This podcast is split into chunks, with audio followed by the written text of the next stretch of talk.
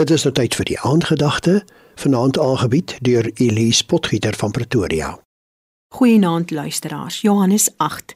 Die skrifgeleerders en fariseërs bring toe 'n vrou wat op oorspel betrap is en laat haar in die middel van die kring mense staan. Hulle het vir hom gesê: "Meneer, hierdie vrou is op heterdaad betrap waar sy oorspel gepleeg het. Moses het ons in die wet beveel om sulke vrouens te stenig. Maar wat sê u?"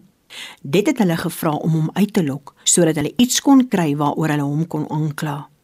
Hy het regop gekom en vir hulle gesê: "Laat die een van julle wat 'n skoon gewete het, eerste 'n klip op haar gooi." Daarna het hy weer gebuk en op die grond geskrywe. Toe hulle hoor wat hy sê, het hulle een vir een begin wegloop, die familiehoofde eerste. Jesus is alleen agtergelaat saam met die vrou daar in die middel van die kring mense.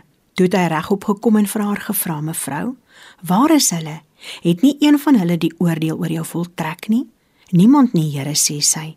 Toe sê Jesus: "Ek doen dit ook nie. Gaan maar en moet van nou af nie meer sonde doen nie." Jesus vermaan ons dat ons nie die regter se hamer mag vashou nie, nog minder mag gebruik. Want dit is een ding om 'n opinie te hê wat jy natuurlik verkieslik vir jouself moet hou en 'n ander om 'n oordeel oor iemand uit te spreek. Dit is verder een ding om oortuiging te hê, maar 'n ander om jou oortuiging op 'n ander af te dwing.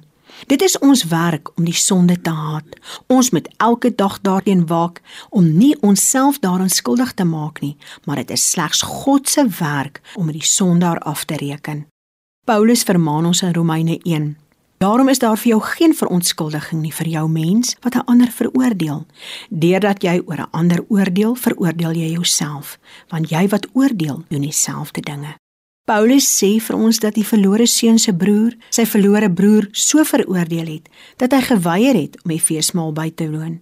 Hy het so neergesien op sy broer dat hy gevoel het dat slegs hy sy pa se guns verdien. En met daardie handeling het hy amper sy pa se guns verloor. Sou ons ander veroordeel, redeneer ons dat ons so heilig is dat God se genade, sy seën, sy liefde slegs vir ons bedoel is en dat hy ons anders behoort te hanteer. En daarom is ons gebed vanaand: Vader, in die naam van Jesus Christus, help my om eers die balk uit my eie oog te haal sodat ek sonder om te oordeel my naaste kan help om die splinter uit sy oog te haal. Amen. Dit was die aandgedagte hier op RSG, aangebied deur Elise Potgieter van Pretoria.